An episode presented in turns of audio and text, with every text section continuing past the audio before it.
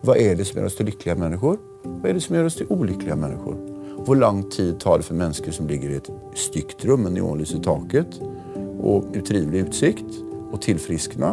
Og hvor lang tid tar det hvis du er inne i et nyklassisistisk rum med et vakkert vindu med et tre utenfor og tillfrisknar? Jo, vi tillfrisknar dubbelt så fort i et vakkert rum med et tre.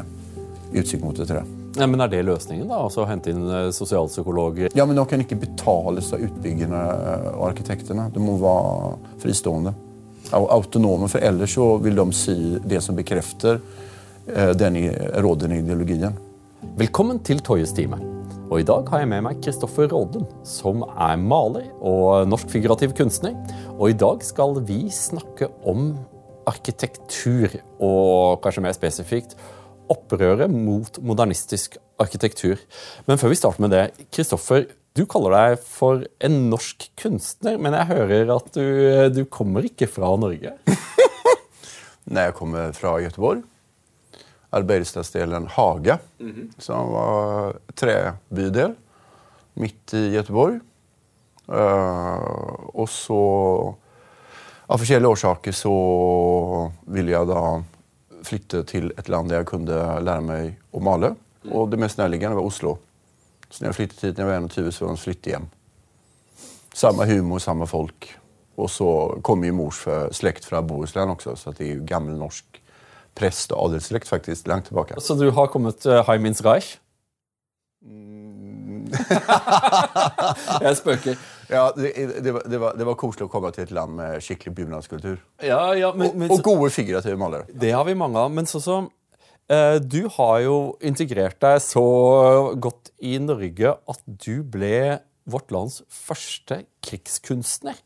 Forsvaret sendte Kristoffer Rådlund til Afghanistan for å male krigen. Fortell oss litt om det. Det var spennende. Det er en veldig alvorlig oppgave. Som, eh, som jo krever sin håndverker. Hvorfor ville Forsvaret ha malerier fra Afghanistan? Nei, det er det finnes jo foto, fotoapparater. Ja, men det, det er lang tradisjon. Det er forskjell på maleri og foto. Um, ja, altså eh, Det er jo et annet øye som ser, det er ikke en maskin som ser.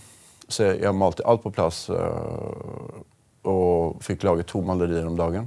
Fra klokken seks på morgenen til klokken seks på kvelden. I 45 grader i skyggen.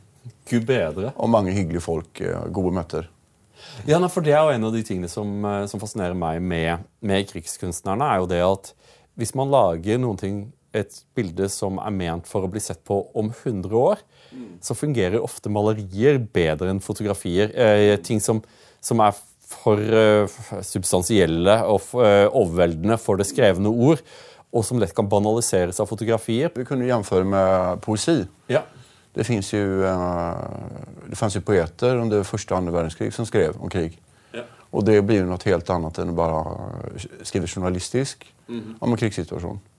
Och sen, sen eh, när jag, efter jag kom hem från Afghanistan så lagade jag några större verker som ju fungerar som, som ett monument. Fast eh, todimensional kunst då. Ja, for Det mest berømte av disse maleriene heter 'Vandrer over et hav av støv'. Det är ju en parafras etter efter Caspar Friedrich. Vandrar over et hav, et skyhav. Eller tåkehav som det heter ibland. Uh, Så jeg har jo bytt ut av eh, skyhavet som vandringen står uh, framfor, med Afghanistans fjell og åser som er veldig støvete. Men- Og, og, har en viss uh, koloritt som er veldig dempet grå, vit, eh, kaki kan man si. Og, så, er vandraren är då utbytt med en norsk soldat, det er faktisk en bergenser som var där primärt for å tjene penger og ta det litt med ro. En veldig god man. Ja, høy, helt- helt høy. han tog på seg full, eh, fullt utstyr og poserte uh, inne i leiren av Maimane. Så jeg fick eh, gjort noen grundige studier av uh, ja, hans skikkelse. Og sen så var det jo da også spörsmål eh, under utstillingen på, på Forsvarsmuseet. Så, var, så, var det, så så eh, overhørte jeg en samtale framfor dette maleriet av tre soldater. Eh, og så var det to säger så men det her er jo mot reglementet. Man får ikke stå så utsatt på en höjde.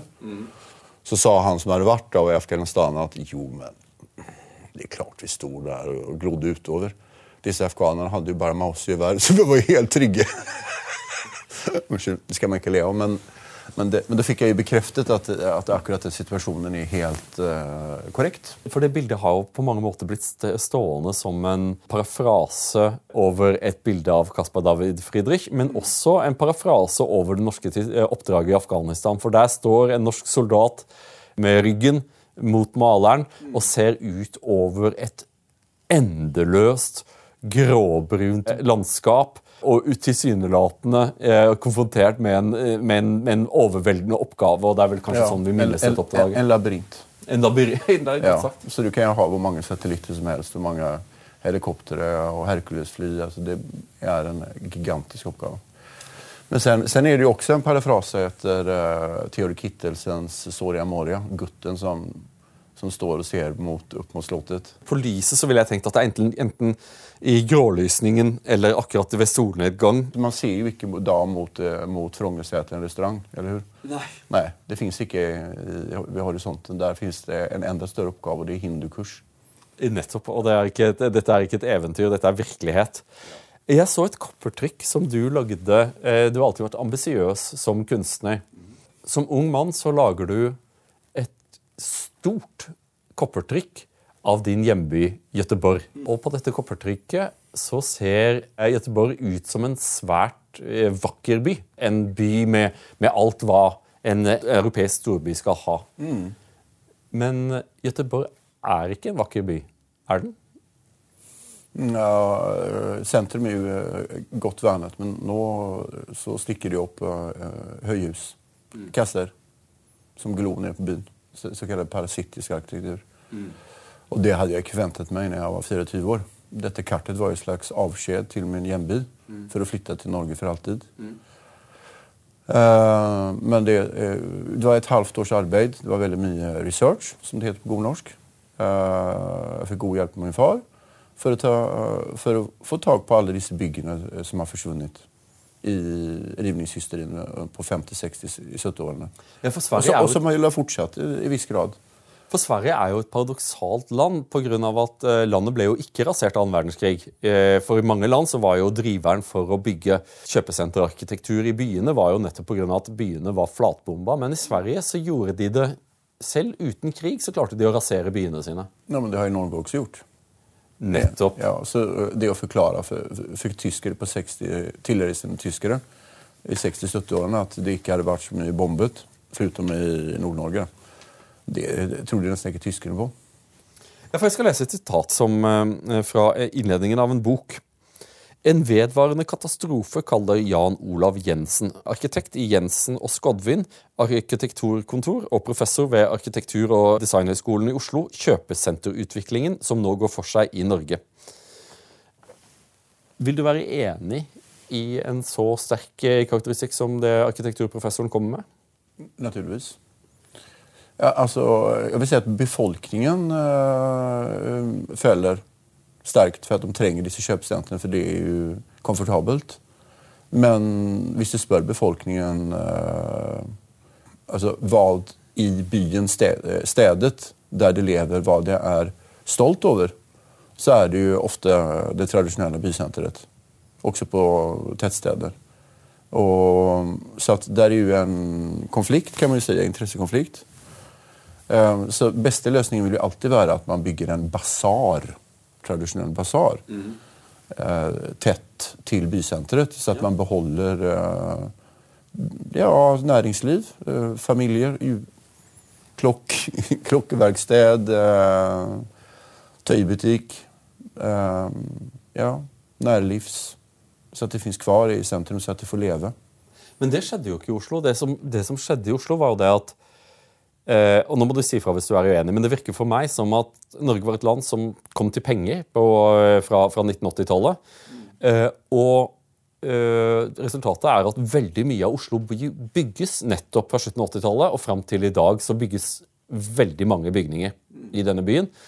Og man kan vanskelig forestille seg et mer uheldig tidspunkt å bygge en by på enn, det vi, enn akkurat da vi ble rike. Mm. Av at eh, alt sammen er firkantet. alt sammen, Det er enorme mengder med med glass og betong og stål. Mm. og denne arkitekturen hevder jo mange at er menneskefiendtlig. Vil du være enig i det?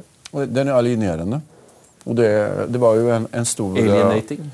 Alienating. Ja. Det er en, eh, en vidstrakt eh, reaksjon på 50-, 60-, 70-årenes arkitektur. Som jo begynte eh, allerede i 70-årene, så fikk man noen nye idealer. Mm. Og, og i begynnelsen av 90-årene så var det faktisk mange som trodde at nå er vi på et bedre spor. Som f.eks. rehabiliteringen av Grünerløkka. Men sen så var det som at modernismen kom tilbake til oss. Så i løpet av eh, altså rundt år 2000 så hadde nymodernismen seiret over hele fjøla. Og i dag så har vi så å si nesten inget alternativ. Foruten denne folkebevegelsen, arkitekturopprøret. Ja, hva er, I Norge, da. Hva, hva er egentlig arkitekturopprøret? Det er en sund, demokratisk, folkelig reaksjon på en arkitektur som har fjernet seg fra helt grunnleggende menneskelige idealer. Hva er det verste i Oslo som Og, Og, og premisser. Oh, ja, naturligvis. Men hva vil du si er det er, hvis man skal se eh, i Oslo hva du sikter til som umenneskelig eh, fremmedgjørende arkitektur? Hvilken bydel skal man dra til? Jeg tror Søringa er det absolutt aller verste. Sørenga ved Operaen. Ja. Altså, nesten alle mennesker jeg snakker med, eh, er positive til at det ligger hus ved fjorden. Der kan man bade, og der fins det restauranter. Og ellers så, så rister folk på hodet. De skjønner ikke hva det er arkitektene og byplanleggerne har tenkt på. Ja, du, du, Og jeg har hatt venner som har bodd der, og de orker jo ikke bo kvar. Hvorfor ikke? Nei, det er forskjellige ting. Det er altså bading og det å ha en badeplass og det å bo. Det låter jo veldig vakkert. Ja. Jeg møtte til og med en av byplanleggerne bak dette prosjektet som syntes det var fantastisk at man kunne ta kajakk til og fra jobb. Å, ja. Unnskyld. Og jeg spurte Men ja, har du gått på arkitekthøgskole? Nei. Men jeg hadde ingen faglig bakgrunn. Nei. Nei, Jeg håper du ikke kan høre dette programmet. Du har tatt med noen bilder av ulike former for arkitektur. Og, og det første bildet vi skal se på, det er Deichmanske i Bjørvika. Hva er det som er problemet med det? Mm, I fantasyverdenen, som motsvarer uh, arketyper og instinktive Der, der kommer våre instinkter fram i underholdningsbransjen. Der kan vi si at i Star Wars så bruker det onde det vi instinktivt oppfatter som ubehagelig, fiendtlig. og da har vi noen stilige eksempler, som uh, Imperial Star Destroyer. Ja, nettopp. Ja, Som, en, som en, er en veldig modernistisk design. Ja, precis. Og, og, og det minner jo da om eh, et eh, modernistisk parlamentsbygg eller bibliotek. Arkitektur som kommer fra Som ikke tilhører demokratiene. fordi når du ser på hvordan eh, De snille da, i Star Wars, for å, for å bevege oss i fantasy, hvordan, hvordan lever de? Ja, de lever uh, utelukkende Hvis de ikke har blitt litt halvkorrumpert. da. Altså, du lever en slags balanse i verden, eller der det er både godt og vondt Men, men de som, eh, som fremholder liksom, de gode idealene og de me mellommenneskelige grunnprinsippene da, De lever jo enten da i nyklassisme, palladiske villaer, eh, søylekomplekser Nyklassisme, når er det denne Korpolbyer. Ja. Ja, og sen så har du liksom eh, det virkelig gode. De bor i bungalows oppe i Træna. Som hippies. Eller Ja, ja. hobbiter. Ja, ja. Og, men, men altså, det, det motsvarende finnes i den virkelige verden. Vi har norske byer som Lom. Vi har svenske byer som Ja, skal det være eh, Vimmerby. Altså Lindgren. Dit alle lengter, eller hur? Vi har de engelske landsbyene, de franske landsbyene, de tyske landsbyene. Det drar vi frivillig, med glede, fotograferer. Slik kan vi bygge hvis vi vil. Vi lever i demokrati. Er vi humanister eller er vi antihumanister? Ja, det, Og så, og så har vi jo denne verdige symbolske arkitekturen eh, som, som er veldig lempelig for eh, parlamenter, bibliotek. Tenk på det vakre Deichmanske i Oslo. Ofte Det er- det er, et, det er et bibliotek. Ja, ja. Mens, eh, mens eh, de biblioteket vi har fått nede i uh, Bjørvika, i Star Wars-virkeligheten, så hadde det vært den vonde keiserens høyborg. Ja, og Munch-museet. Jeg forestiller meg at hvis man hadde eh, presentert Darth Vader med ulike design, eh, designskisser for Munch- Munch-museet, så ville han valgt det vi fikk. Absolutt. Hvordan kunne dette skje? Det hadde vært et treningssenter for stormtroopers. Ja, eller en hortbunker. Eh, sånn som Det eneste arkitektoniske som jeg kan se som en, som en parallell som, de, som, dette bygget kan hente til inspirasjon fra, er jo eh, nazistenes høybunkere. De bygde flakktårn rundt omkring i, i Tyskland under annen verdenskrig. Høye betongmonstrøsiteter med, med skytestillinger på toppen. Eh, mens vi har fått et eller annet som det, det, det, er ingenting å like ved dette. Jeg synes det var så morsomt at I debatten i Norge så var det sånn Liberi Bemoen forsøkte å påpeke at det var stygt. Oi, oi, oi, som hun fikk kjeft fra arkitektene. De Arkitektene var jo støtt over at noen kunne bruke slike arkaiske uttrykk som, som pent og stygt. Det var jo ikke før The Guardian kommer på besøk for å bivåne det nye Munch-museet og sier at dette her ser jo ut som en flyplass på innsida og var heslig på utsiden. Mm. Og da plutselig viste det seg at smaksdommerne var jo helt enige. De måtte liksom legitimeres av The Guardian.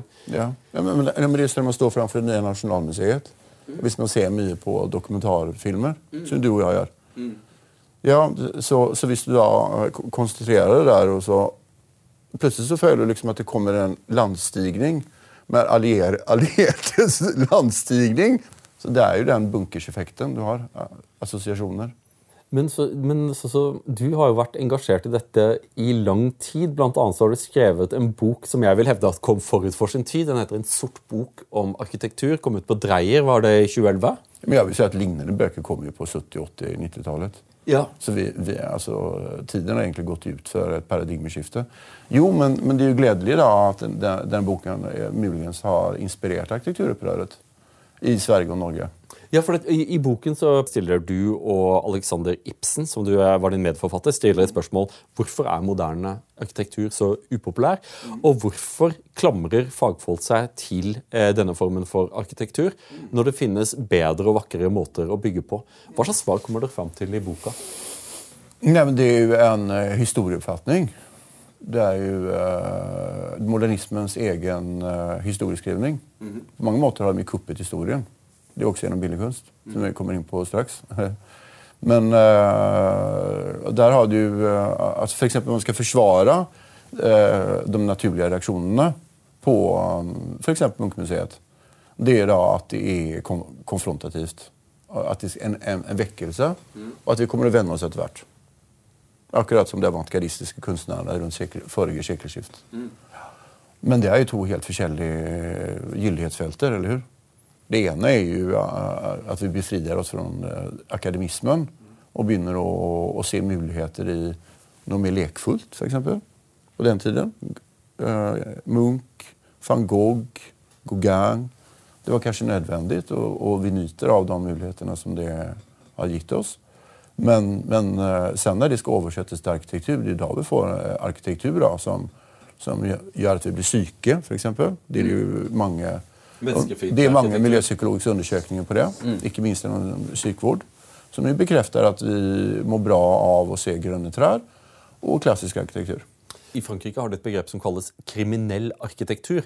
Eh, altså at modernistisk arkitektur tiltrekker seg kriminalitet som fluer til dritt, eh, for å si det på godt norsk.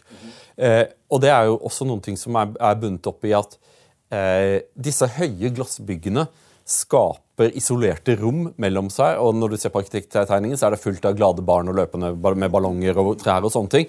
Det er ikke der i det hele tatt. Nei, men Det er en fantasi. Eh, det, det, blir, blir ingen ballongfester. Det blir ingen ballongfester, og dette rommet overtas av asosiale elementer. Absolutt. Millionprogrammets arkitektur i Sverige og motsvarende i Norge. Millionprogrammet, kan du forklare? Det, eh, det var jo en stor uh, sosial reform. Mm. Da hadde jo Sosialdemokratene, men også de, de borgerlige partiene, de hadde kjøpt hele den her eh, fremskrittsoptimistiske planen som ble Corbusier og, og Rittfeldt og Bauhaus-gjengen. Ja. De identifierade disse reformene som var nødvendige for samfunnet, vil jeg si, som vi er glade for i dag. Når det handler om det rent funksjonelle, som bad, baderom og kjøkken og sånn. Ja. Med et visst estetisk uttrykk. Men det rare er jo da at du hadde jo, du hadde jo veldig praktiske kjøkken og baderom også allerede, eh, i hvert fall hadde borgerskapet til på 20-tallet. Ja. ja. og disse husene står jo fortsatt og er elsket. Mm. Men byggene fra 60-tallet er jo i stort sett forhatt. Uh, og det er mange mennesker, uh, også de unge i dag, som sørger av hva som har skjedd, når de ser fo fotografier fra uh, hvordan det så ut før rivningshysterien. Og, og, og mange mennesker i dag. så du kan jo snakke med en, eh, en ung studinne som jobber som servitrise på en, en kafé. Og, og hvis, du, hvis, du, nevner uh, Hvis du begynner å snakke om arkitektur, så er jo i stort sett alle enige med deg og meg. Og Leon Krier. Prins Charles. Prins, Prins Charles uh, må vi snakke litt mer om. Det som slår meg uh, Og det er ikke det at jeg er liksom det mest bevandrede og våkne mennesket når det gjelder arkitektur, men jeg, jeg registrerer jo at Bjørvika er jo bygget opp i Dubai-arkitektur. Altså raskt banket opp eh, høye hus så mye glass som overhodet mulig. Eh, etter klokka sju så er det ikke en kjeft der, for det er ingen som ønsker å være i nærheten av det på, på, på fritiden. Det første bildet eh, som jeg kjøpte av deg, het Bjørvika. Husker du det? Ja. Nå er vi tilbake Før noe av dette ble bygget, så malte du et maleri av hvordan Bjørvika kom til å se ut. Eh, mørkt mange firkantede bokser. Litt sånn eh, Typisk rådlundsk. Det beveger seg i, i gråtonene. Mm. Eh, kona nektet jo å ha det på veggen. Eh, ja, ja, ja. Men hun har blitt veldig glad i det nå. Hun, hun, har, min, hun har min fulle sympati.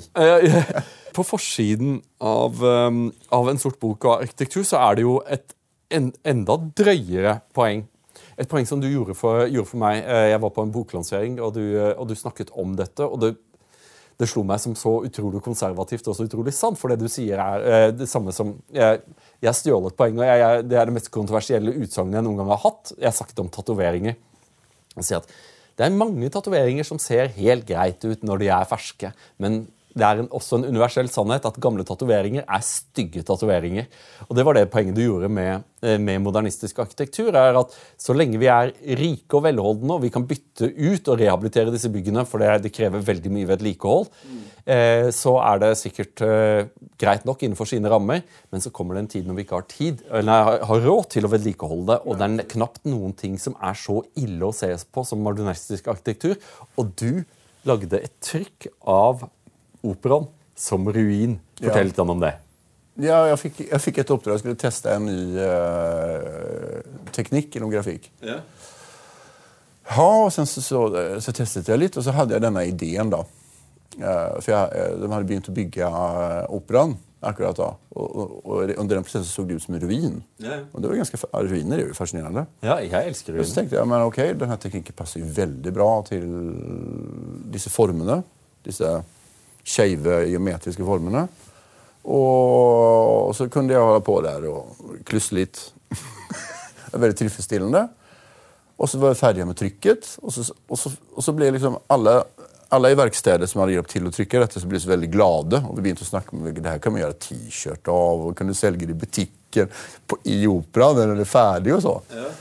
Og sen så viser det seg at det var enorm respons på det her ja. fra folk som elsker opera. For det er jo ganske pent bygg, må jeg si, på sin måte. Og folk som misliker operaen. Så plutselig var alle enige om at det her var morsomt. ja, for... og, da, og da det jo, kom jo ideen om å, å, fortsette på dette. Inspirert av en, en svensk-norsk-dansk kunstner som heter Roy Friberg. Mm. Roy som Friberg, som er, elsker han. Han, han jobber som min pappa på under 60-årene og var anarkister. Så han var, illustrerte eh, den tidsskriften som jeg tror ikke fins biblioteket her, som heter Brand. Mm. Min far var redaktør der. Ah, ja. Så det var liksom en familietilknytning. Men Rolf Friberg er også en av de viktigste kunstnerne vi har i, i Norden etter annen verdenskrig. vil jeg si. Ja, det er for de som ikke har sjekket ut eh, Roy Friberg. Det må dere gjøre. Eh, men, så, du, men, men, du tok det videre? Nei, men Jeg ville plukke noe av hans marerittverden. Mm det kommer fra Kafka og Piranesi og liksom disse marerittkunstnerne mm. inn i vår virkelighet. Så at vi får en sånn tenk på døden-opplevelse. Mm. Derfor at eh, Hvis vi ikke tenker på fremtiden, at vi ikke tenker at alt vi har rundt oss, kommer å bli søppel og blir ruiner, mm. så klarer vi ikke å ta ansvar for den verden vi lever i. Det er en veldig klok ting å si, egentlig. For alle bygg som noensinne har vært bygd av et menneske, har blitt til ruiner. Du stoppet ikke ved det trykket med operaen som ruin. Du uh, malte jo også et stort maleri av operaen med en forlist oljetanker. Da jeg jobbet videre med dette prosjektet og lagde en utstilling også knyttet til boklanseringen av en sort bok om arkitektur, ja. uh, som ble stilt ut her nede på Blomkvist, uh, så tenkte jeg at jeg kunne komme med en kommentar også til hvor rikdommen kommer fra.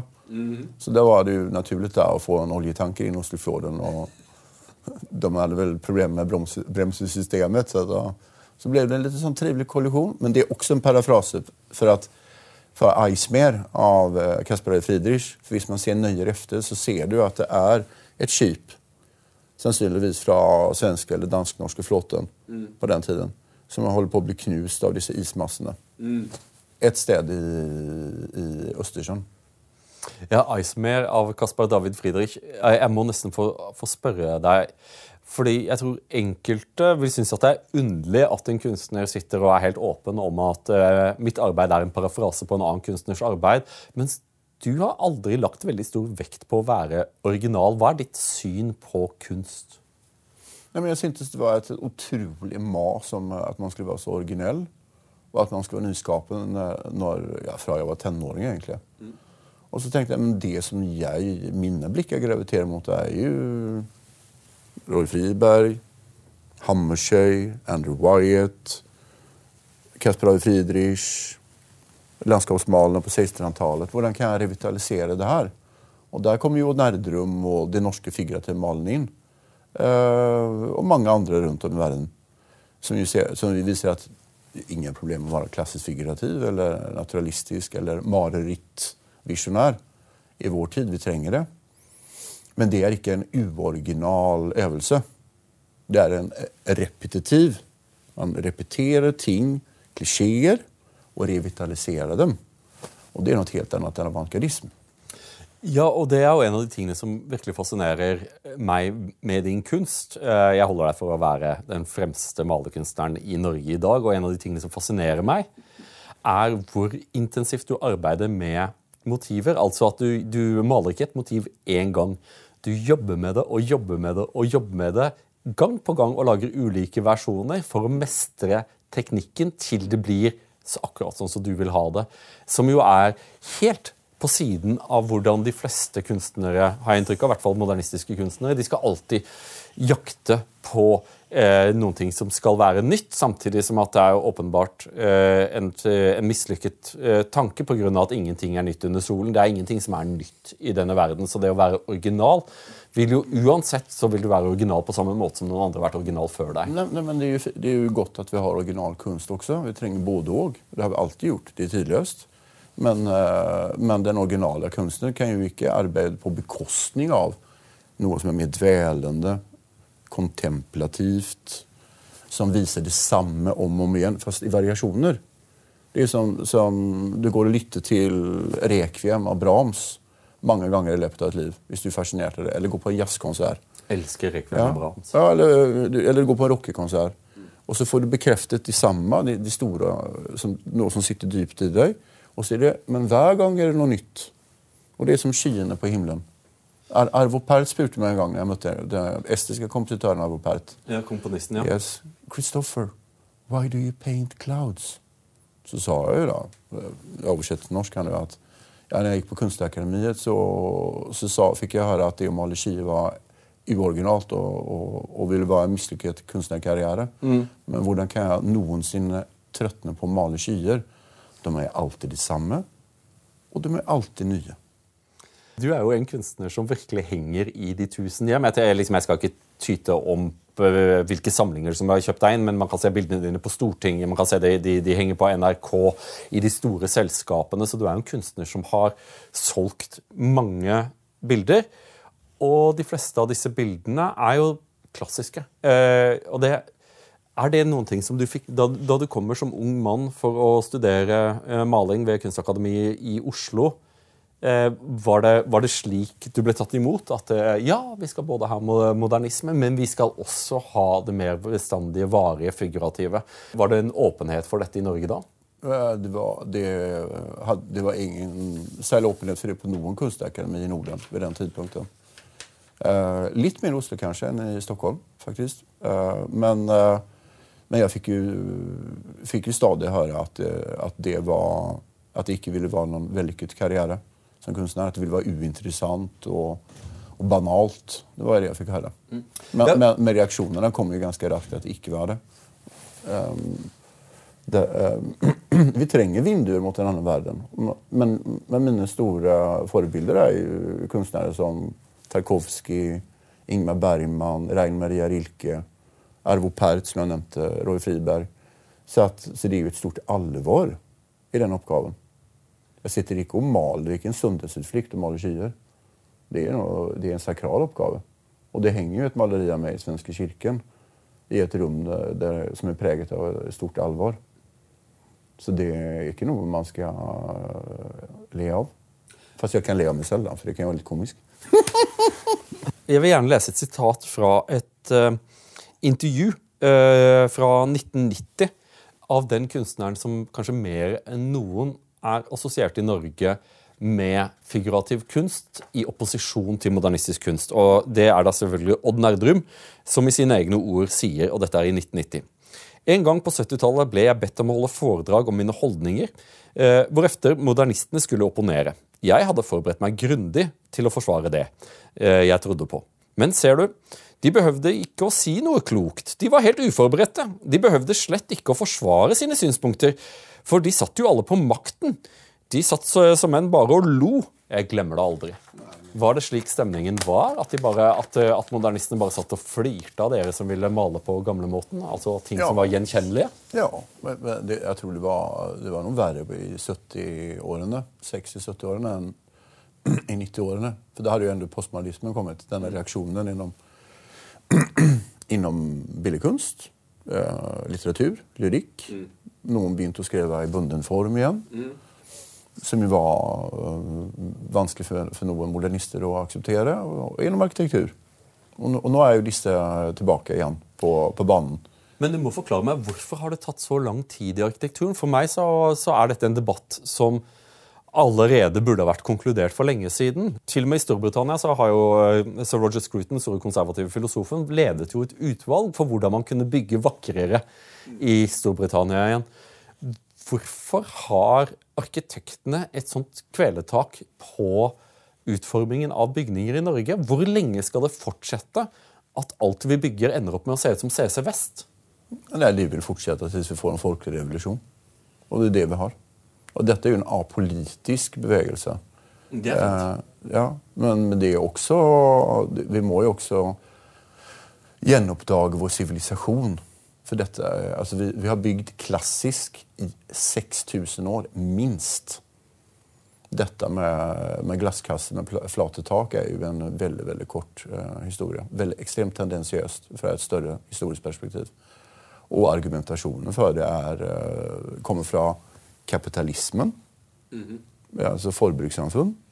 Vi gjenkjenner det i hverdagen. Og det kommer fra sosialismen. Å bygge det ideelle, utopiske samfunnet. Og, men, men, uansett om du er sosialdemokrat eller om du er sosialkonservativ eller liberal, må du, du må jo skjønne at dine barn ikke fortjener å gå i en barnehage som ser ut som et kjernekraftverk. Det må vi være ferdig med. Vi skal omgås som siviliserte mennesker, og vi fortjener en sivilisert og miljøpsykologisk tilpasset arkitektur. For å vende tilbake til metaforen fra Star Wars. Sier arkitekturen noen ting som er sant? Er det egentlig vi som er imperiet? Får vi den arkitekturen vi fortjener? på sett og vis? Er det, slik, er, det, er, det, er det, de vi har blitt? Nei, er vi ikke i stand til å verdsette skjønnhet lenger? Men George Lucas og Tolkien, mm. som er gode kunstnere mm. altså, Med tanke på deres suksess. Det har en respons i oss. Mm. Det er det. Willy Tolkien han var, jo, han var jo en stor kunstner.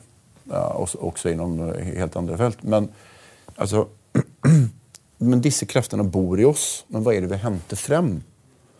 Derfor er miljøpsykologi vil være et så godt redskap for oss å se altså objektivt, for å si vitenskapelig, for å se hva er det som gjør oss til lykkelige mennesker, hva er det som gjør oss til ulykkelige mennesker. Hvor lang tid tar det for mennesker som ligger i et stygt rom med neonlys i taket og, og en utrivelig utsikt, og tilfriskne? Og hvor lang tid tar det hvis du er inne i et nyklassisistisk rom med et vakkert vindu, med et tre utenfor og tilfriskner? Jo, vi tilfriskner dobbelt så fort i et vakkert rom med et tre. Utsikt mot et tre. Ja, men Er det løsningen? da? Altså Hente inn eh, sosialpsykologer i, eh, eh, til å komplementere de arkitektfaglige komiteene? Ja, men de kan ikke betales av utbyggerne og arkitektene. De må være fristående. Au- Autonome, for ellers så vil de si det som bekrefter den rådende ideologien. Vi er tilbake i London, året er noe sånn som 2003. Eh, og en svensk venn av meg som er kunstner innenfor arkitektur, eh, er i debatt med en sveitser. Eh, svensken eh, har tegnet et, eh, et rom som er rundt, og, og er veldig opptatt av liksom, å skape et, et, et hyggelig, koselig sted for en familie å bo. Sveitseren blir rasende. Jeg har aldri sett noen bli så rasende. Han er fagarkitekt. Og, og han, han, han reiser seg opp rød i ansiktet og brøler, men forstår du ikke? Firkanter skaper mer rom å bo på. Altså da at det er, jo, det er jo økonomisk langt klokere å bygge firkanter. Du får flere anvendelige, eh, anvendelige kvadratmeter enn hvis du bygger i noen annen form. Da mister du jo masse. Han ble personlig støtt. Og så sier jeg ja, eh, men eh, min kjære venn, i Sveits så antar jeg at du bor i, eh, i, en eller annen sånn, eh, i et sånt tårn i Basel eller noe sånt. Nei da, han bodde i, et, i en klassisk Bauhof. Det, han bodde i et gigantisk sveitserhus i den tradisjonelle sveitsiske. Og så sier jeg, men ser du ikke problemet? Det gjorde han ikke. Altså det at han ikke ville bo i den arkitekturen han selv tegnet. Begge har jo rett. Altså, det er vel ingen som mener at alle, alle hus og alle rom skal være runde. Men av og til så trenger vi et rundt rom. Et halvt, som Stortinget. Et auditorium. Så, og kupolbygninger. Det er viktig for oss. Ak akustisk eh, kan det være veldig gunstig. Rekviem har nevnt. Eh, men men av, av rent tekniske årsaker og, og av tradisjon eh, Tømmer. Veldig lurt. Ja, Trærne vokser ikke sånn. Nei, nei. De vokser ikke krumt. eller? Nei, det er vanskelig, vanskelig å lage runde former Ja. med, med tømmer. Men Men og hvis du lager et rundt rom inni et kvadratrom, så får du praktiske garderober. i hjørnene. hvordan har det vært med figurativ kunst i Norge? For jeg tror at du har et litt interessant perspektiv for det. fordi hvis man bare da utdanner modernister, og man ikke har noen figurativ linje ved Kunsthøgskolen, så må det da være sånn at vi ikke får gode figurative kunstnere i Norge? Nei, nei, men Nå sitter modernistene og, og de figurative i samme båt. Vi er gode kolleger. Og, vi, og alle er enige, ikke bare kunstnerne. Hvorfor la, lærer man seg ikke å tegne etter naturen?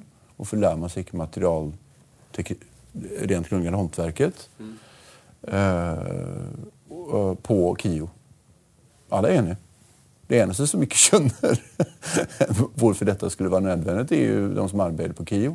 Men jeg må jo legge til at det er fine folk. Det er glade ungdommer som drømmer om å lære seg å tegne og male. Og det er professorer som gjør så godt de kan innen konseptualismens område. Så, så jeg vil ikke, vil ikke henge ut noen. Ja, men, det bør du jo gjøre. Se, men- se på Men høstutstillingen. si, situasjonen er jo uutholdelig.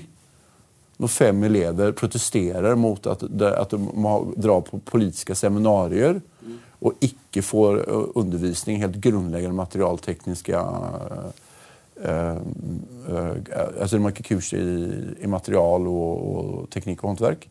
Og så, og så blir det debatten ø, politisert umiddelbart. Men hva er problemet? Kan, få vi lov å tegne kroki en gang i uken? Modelltegning, ja. Ja, det er veldig bra.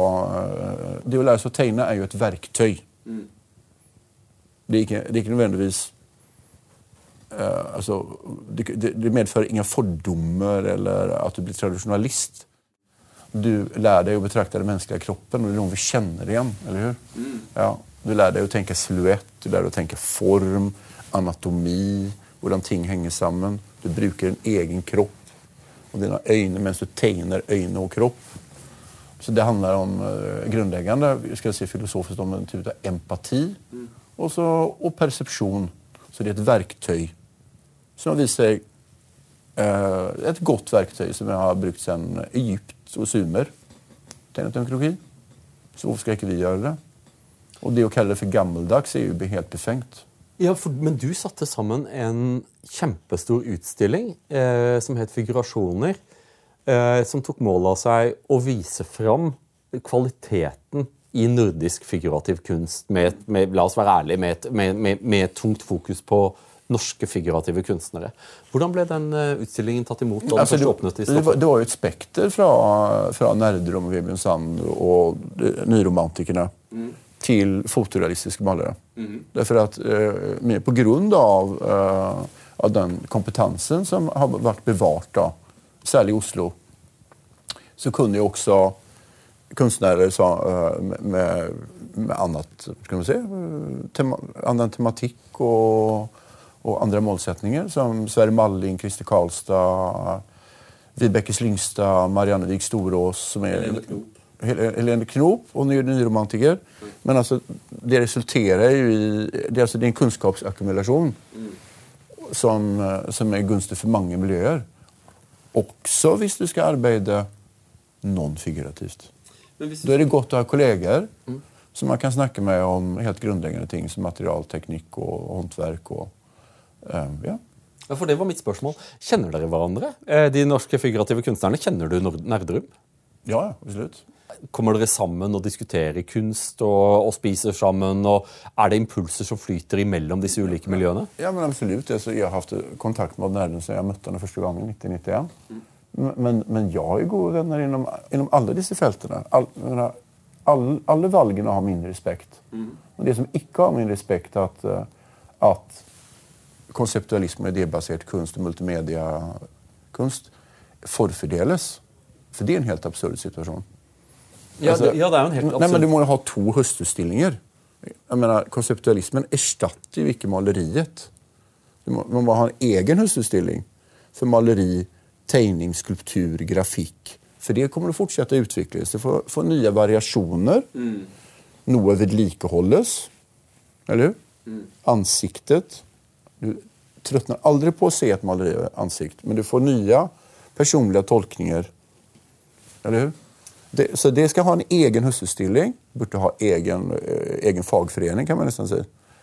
Og så kan konseptualister og multimediakonstnærene, som gjør mange spennende, fine ting, ha sin egen husutstilling. Ja, for jeg er jo en av de og for så vidt skole også. Jeg har jo vært en av de som alltid har gått på høstutstillingen. Jeg, jeg er på høstutstillingen hvert år, og jeg må jo si at eh, jeg blir jo hvert år så blir jeg bare like skuffet over bare mangelen på kvalitet. På grunn av at skal man være kritisk her, så er det slik at den modernismen som man ser Stort sett så er det noen malerier som er håpløst øh, og ganske åpenbart et forsøk på å kopiere kunstretninger som er, ligger mange tiår tilbake, liksom med, med kubisme og den type ting. Og så har du noen forsøksvis politisk kunst eh, som ingen bryr seg om pga. at kunsten har mistet noe av sin injurerende kraft. Og, og så har du en del konseptkunst der du, må, der du må kjøpe premisser som blir problematisk. Samtidig som at de, de refuserte jo eh, Nerdrum i fjor. Har du noen gang vært på, på høstutstillingen? Ja, mange ganger. Ja. Ja, nei, men, uh, det er mange som sier seg enig med deg der. Altså, jeg respekterer konseptualistene for deres valg og deres fokus. Men jeg, jeg syns det har vært rart veldig lenge at uh, hvis man arbeider med politiske eller uh, altså sosiologi, politikk, uh, psykologi, at man ikke henvender seg mer til det, altså det, det faglig kompetente. Eller hvis man jobber med multimedia eller performance. Performancefolk burde jo konferere litt mer med scene, scenefolk. Ja, det kunne vært I stedet for å skryte av at man har, man har kvittet seg med malerpenselen. Mm. Ja. Men hva med, hva med denne påstanden? Og, og, og, dessuten så disse stipendiene som, jo, som jo ble Det var dit jeg skulle? Ja, altså Stipendiene fra 18- og begynnelsen av 1900-tallet de var jo øremerket for malere, skulptører, og tegnere og grafikere. Mm. Og så plutselig skal den gå til performanceartister. Nei, men, ok, men altså det man burde gjøre, man vil da si at ok de, de, Dere har en oppfatning av at, uh, at kunsthistorien tilhører dere. Ok, og vi, har, og vi har sagt at ja, så kan det vel kanskje være. Så da får dere stipendier, for det jo, nå har det blitt utdannet til dette og har egne gallerier. og så. Men så må, så må vi da øremerke noen stipendier for malere og, og tegnere, skulptører og grafikere. Ja, for det, eh, for, for det, var påstanden min. da. Det er, det er to forskjellige gyldighetsområder. Det er to forskjellige paradigmer. Men Gud velsigne alle, alles individuelle Ja, valg. men- altså. ja, ja vi er eh, Gud velsigne absolutt alle. Men, men saken er at hva med denne påstanden at eh, ikke bare har ikke-figurativ kunst eh, tatt over veldig mye av ma- manesjen, samtidig som at en norsk figurativ tradisjon er, er faktisk noe av den flotteste kunsten som har blitt skapt i Norge de siste Ja. 30 årene. Men Så blir det ikke kjøpt inn.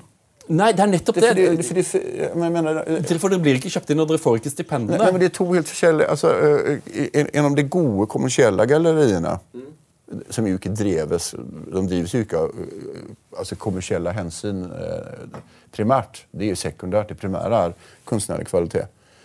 Der er det en egen kunstverden med sine egne vurderinger. Ja. Ja, Og sen så har du en annen offentlig sponset. og det er jo fint ja, i og for sig. Men, mens Nasjonalmuseet kjøper inn noe som passer inn innenfor disse avantgardistiske normene. Men, men hva med, med de andre gode malene? da? Det, vi har flere generasjoner av figurative og abstrakte malere nå etter hvert, som, som ikke er representert i våre samlinger. Jeg ville kalle det nesten for en eh, ubevisst historieforfalskning.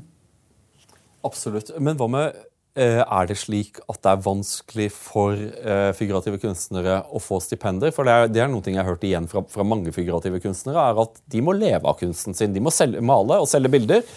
Eh, mens disse, disse ultrasjenerøse eh, stipendene fra Kulturrådet og sånne ting går ikke til figurative kunstnere. Er det, er det litt sant? Eh, veldig sant, eller ikke sant i det hele tatt? Både- Det, det er veldig sant og, og litt sant. Ja, uh, men altså, hvis man uh, noe, noe av Norges uh, fremste fotobaserte figurative malere de får stipend. De må alltid finne på et eller annet smart eh, overgripende tema. Ja. Alle, alle, klager over dette. Ja. At man finner på et eller annet som, eh, som tilfredsstiller avantgardistiske oppfatninger. Ja. Men, eh, men man finner alltid på noe lurt, eller hur? Så, så får du et stipendium. Så lenge du arbeider med noe som passer inn der. Men hvis du arbeider da nyromantisk eller nyklassisistisk, kan du glemme det. En ting som slo meg, jeg var og gikk en tur på Frogner eh, med en engelsk venn, og så sier han noe som jeg ikke hadde tenkt over. og det er, Han sier liksom, peker på en leilighet, og så sier han Vet du hva den leiligheten er verdt? Eh, jeg kom med et estimat sikkert ja, sikkert tre millioner kroner for den leiligheten der. Eh, eh, og så sier han tenk deg det. Hvilket annet land i Europa ville noen ha en så dyr leilighet, og så har de Ikea-plakater på veggen? Eh, han tok det som et tegn på at et, et nyrikt land som har kommet til penger for fort, og som ikke har kulturen. altså liksom I Paris, London, København så vil det være original kunst på veggen. Mens i Norge så er det liksom ja, det er en, en plakat, det, det, det er fine farger. Ja, nej, men det har gått ganske fort faktisk. Därför jeg husker jeg gick, eh, på 90, I 90-årene så ble jeg så imponert av når man, liksom, når man gikk rundt i Oslo, særlig fra Akerselva og vesterut. Og så, så ser man liksom Frans Widerberg, Ørnulf Oppdal, Odd Nerdrum, litografier og malerier uh, i veldig stor grad. Mm. I stedet for Ikea- Ikea-plakater. Nå er det jo ikke sånn lenger. Og det er jo ja, Folk ja, har sin individu- individuelle smak. Noen vil ha en Iron Maiden-plakat på veggen, og det er jo kjempefint. Uh, men det er også noe med når du har forlorat din dannelse og din uh, eh, altså, Billedkunst, hvorfor har vi det? Leser du poesi i skolen? Mm. Hvorfor skal vi ikke lære oss poesi i skolen? Hvorfor, hvorfor skal ha vi ikke billedkunstlærere som forteller hvorfor våre norske billedkunstnere bringer frem noe viktig? For det er jo da disse kunstverkene kommer opp på veggen. Ikke, ikke under tvang, men med den største naturlighet. Absolutt. Det er like naturlig som vår vakre nasjonaldag. Det er like vakkert som 17. mai. Nei, men eh, så, som, Dette er jo et poeng som Roger Scruton gjør i, i, eh, i dokumentaren som ligger på YouTube, som heter Why Beauty Matters. Eh, eh, og Han sier jo at moderne kultur er en kultur som er fast bestemt på å beskrive mennesket som heslig, ikke verdig kjærlighet. Eh, mens det vakre er det som minner oss om eh, vår himmelstrebende impuls, det som er fint med mennesket. Og det manifesteres både i kunst og i, og, og i arkitektur. Og Det er jo ikke da tilfeldig at Roger Scruton blir valgt ut nettopp til å være den som leder dette arbeidet for en mer vakker arkitektur det er nok ikke mange kunstnere som har solgt så mange malerier og så mange litografier som, som deg. Er det ikke en motsetning i dette at på den ene siden så har du en stat som favoriserer et kunstnerisk uttrykk, med læreplasser og stipender og innkjøpsordninger, samtidig som at det er en figurativ kunstner som Kristoffer Rådlund som virkelig faktisk henger i de tusen hjem.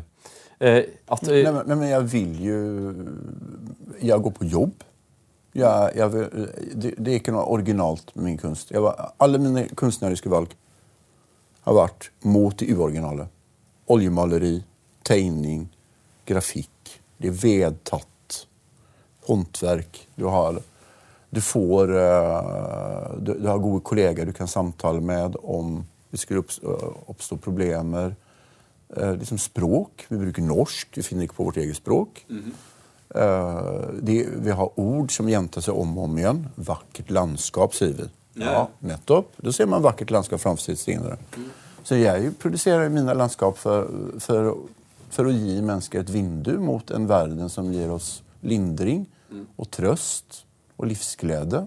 Og kanskje litt bekymring. Jeg kjøpte et, Som eh, klassisk musikk.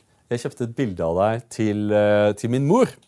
Eh, et bilde av en stor flod. Er, det er ikke en elv, det er en flod som, som renner borti og, og slynger seg inn inn i horisonten. Og min mor elsker det bildet og sier liksom at hun kan sitte og se på det i timevis. Gir henne ro å se på det, se på det bildet. Er det det som er liksom noe av målet med kunsten din? Å, å gi mennesket noe vakkert å hvile øyet på? Ja. Det er som musikken til Ervo Pert. Det var, det var der jeg skjønte hva min oppgave kunne, kunne bli.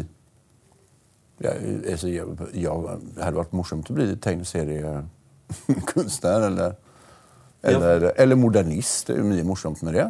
Men, uh, men, men hvorfor ikke? Jeg, jeg, har alltid sett på Kina. Min far sa til meg en gang når, vi, når han fulgte meg til skolen, så sa han Kristoffer Skal jeg ta det på göteborgsk? Kristoffer, ja. ikke se ned på tuggummiflekkene. Se på, på den fule asfalten. Se opp på himmelen, på molnen.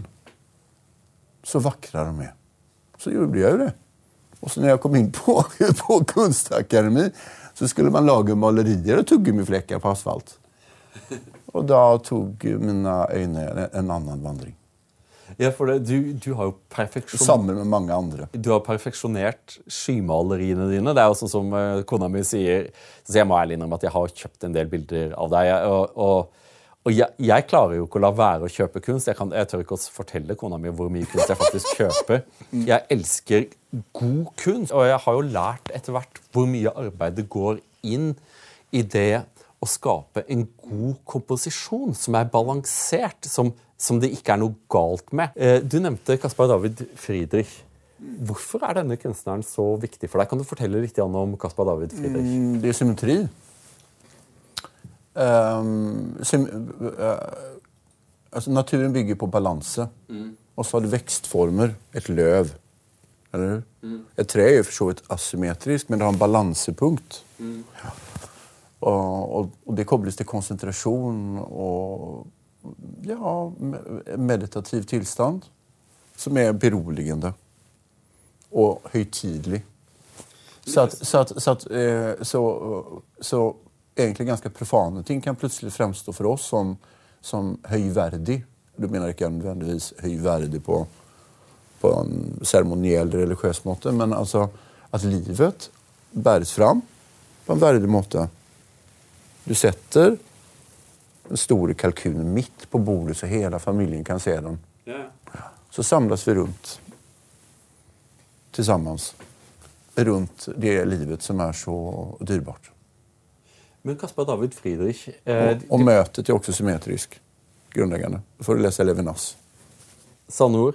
Eh, men de fleste er jo ikke klar over at Caspar David Friedrich, som er vel det nærmeste Tyskland kommer en nasjonalmaler De elsker jo bildene hans. Abtai im Eichwald valgt vandrer over et eh, over skyhav. Mm. Han, han, var, ikke det. svensk statsborger. det var det som var poenget mitt. Og han, han gikk på Kunstakademiet i København. Han kunne snakke skandinavisk. Fikk lære det i skolen. Og hans beste venn resten av livet er nordmann. De, bodde, de levde sammen i, sa, eh, i, samme hus med hver sin familie i Dresden. Eh, Kasper Friedrich og Johan Christian Dahl. Og Johan Christian Dahl, som jo er en av de store norske landskapsmalerne. Så Friedrich er eh, han, han er også Nordens kunstner. Nettopp. Og, og hans, eh, hans, mest berømte maleri, som jeg nevnte, 'Abtai im Weichwald', altså eh, klosteret i Ekeskog. Ruinen i dette klosteret er et dansk kloster utenfor Greifswald. Caspar David Friedrich er jo en mann som, som står i alle fall med den ene foten i Skandinavia, men som etter min fattige forståelse er den kunstneren man må kunne for å kunne forstå Rådlund. Stemmer det? Absolutt. Ja, men, men, men, jeg har jo ikke samme distinkte strek som, som Friedrich. Jeg, jeg, jeg, har ikke forsøkt å, å bli noen si, kopiatør. Det, er, det, er, det er mer metoden og si, poetisk eksistensielle i i hans stiluttrykk som, som, jeg kjenner kan revitaliseres og bringe noe fint for oss som lever i dag. Så, men sen er det også det er hva man skal male. For at, eh, mange kan, eh, kanskje lete etter dessa och försöka uppsöka noen av dessa motiven. Mm. När, när du kommer till Berchtesgaden i, i, eh, i Tyskland mm. så, så, så, ser du på, på postkortstativen så ser du ibland av Caspar Friedrich. Mm. Ja. Men han var ju aldrig där. Aha. Nej, jag var där. Men jeg fikk ikke se fjellet for at det snøade. Ah, ja. Og det var dårlige værutsikter for resten av uken, så jeg måtte dra igjen. Men jeg så eh, åsen, som er i forgrunnen. Men det var nemlig så at Friedrich og, og hans bestevenn Dahl de hadde en god venn som ikke husker navnet på akkurat nå, men som hadde gjort en, en veldig veldig vakker uh, akvarell og gouache uh, på plass. Men han, han hadde ikke malt noen forgrunn. Men så dog han veldig ung. Og, og, og, og, for å minne sin gode venn så, så malte Dahl og Friedrich hver sin visjon. Og, disse, og, den versjonen som, uh, versjonen som uh, Friedrich gjorde, har da blitt ikonisk. Det selveste alpemaleriet med Der Watzmann i bakgrunnen. Mm -hmm. som, er, som, du kan jämföra med Matterhorn eller uh, Mont Blanc og disse. Um, men, men det, og, og så er det Dahls versjon. I forgrunnen eh, så har du i Dahls versjon et norsk landskap. Naturligvis. Ja, med, med en gjeter med nisselue. Ja. Med, med, sine norske sauer. Nå, nå, nå, kjenner jeg at det blir det må, veldig norsk. Jeg føler at det er noe svensk kritikk som kommer her nå. Forgrunnen må være, må, må være et sted i Buskerud. Og Dals eh, vakre forgrunn det er jo en, eh, en sandstensformasjon fra Sächsische Schweiz. Mm -hmm. Altså det området der, der, der de naturom, ja, ja. fjellområdet rundt Dresden. Ja. Jeg, har, syklet mye i Sveits, Schweiz, eh, da jeg bodde i, i Berlin. Ja, men, skal... men, men, poenget her er jo at man lar tankene reise. Det, det, det viktige er ikke å være dokumentarist. Det var jo Afghanistan. Da malte jeg det jeg så, så nøyaktig jeg, jeg kunne. Uh, men, men, det blir ikke et fotografi. Det blir aldri et fotografi. Men sen så har det det resultatet, som arbeidet med når jeg skulle gjøre det monumentale for Afghanistan. Da må du gjøre en tolkning, en sammanfattning. Mm.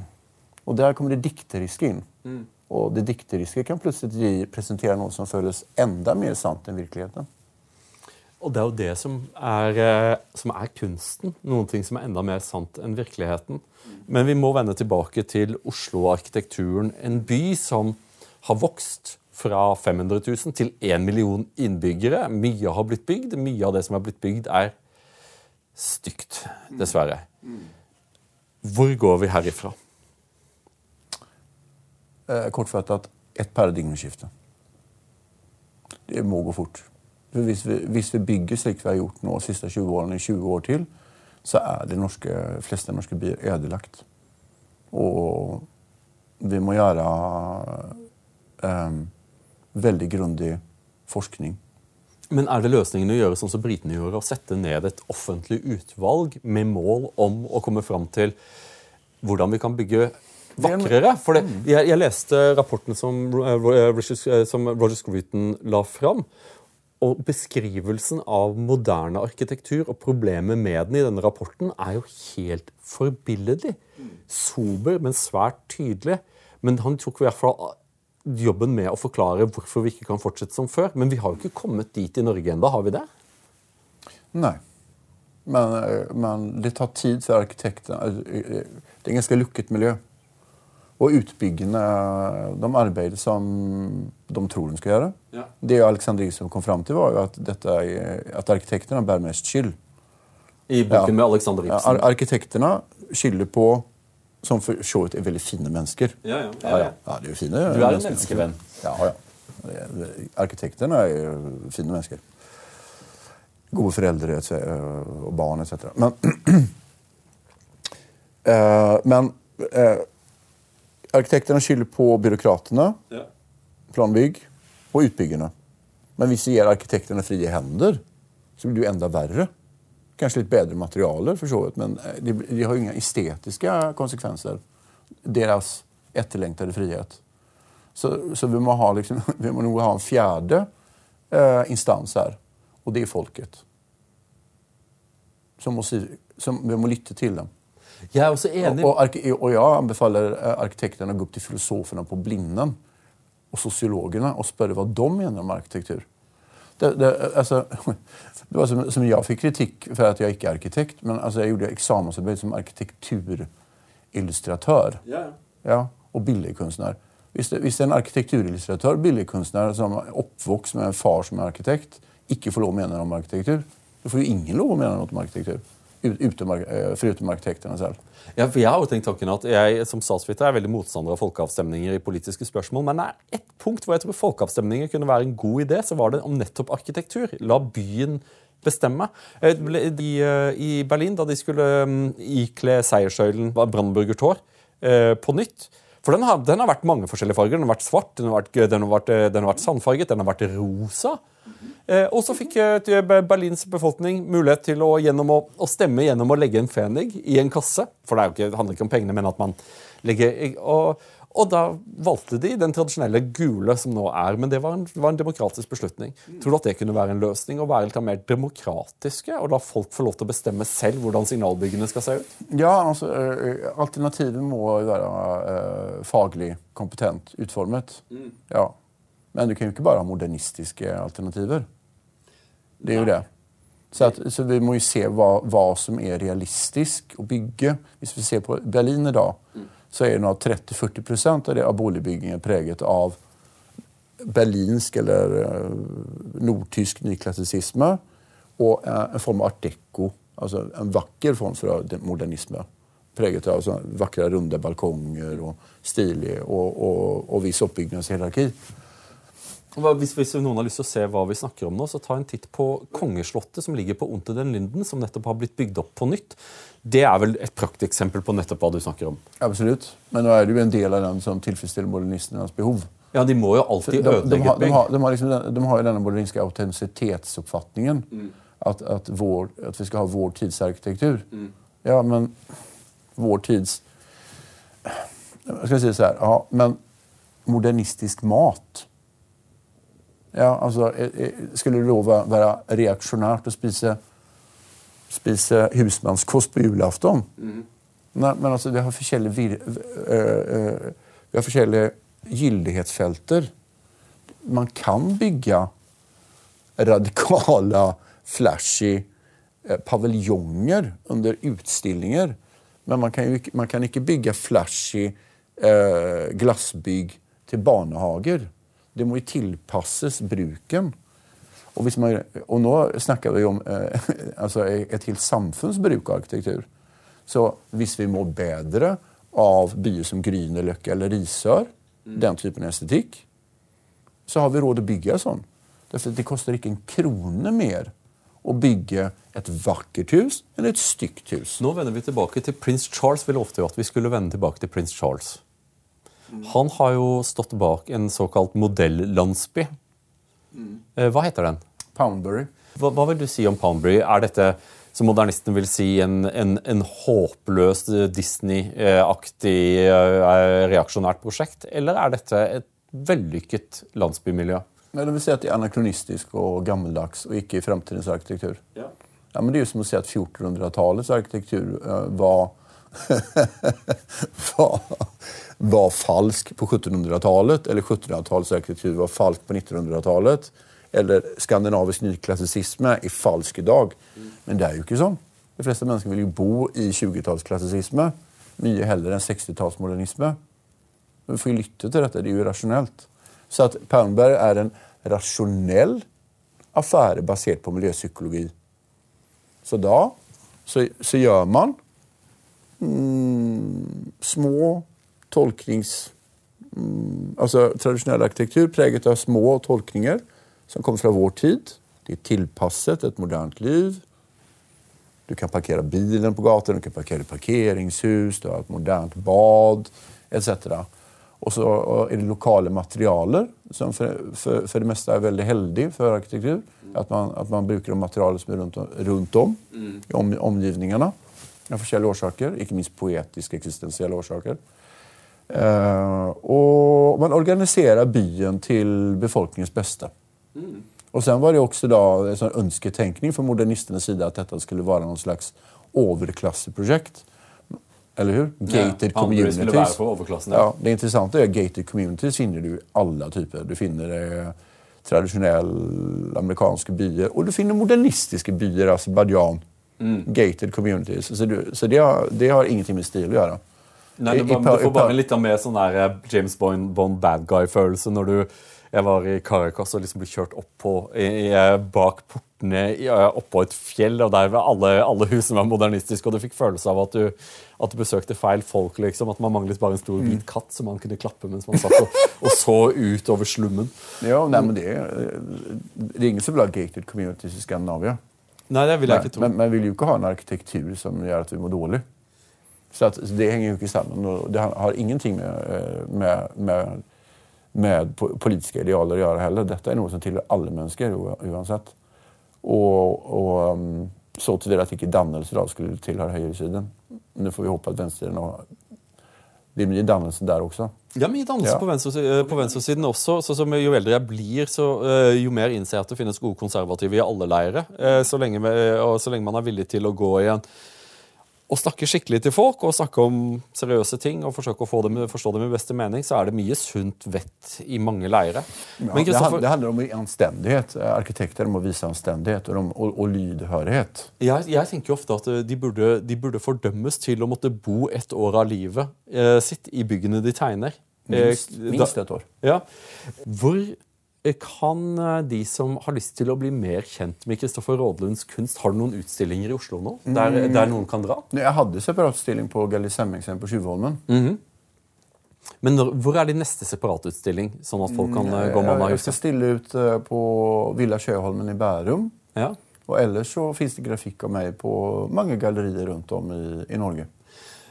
Og da får folk ta og gå til internett, og så må de taste inn Kristoffer Rådlund. Eh, og så klikke på bilder, så vil de få se hundrevis av motiver som, eh, som du har malt. Noen av de mest vakre motivene av norsk natur som, eh, som noen noensinne har lagd, vil jeg si.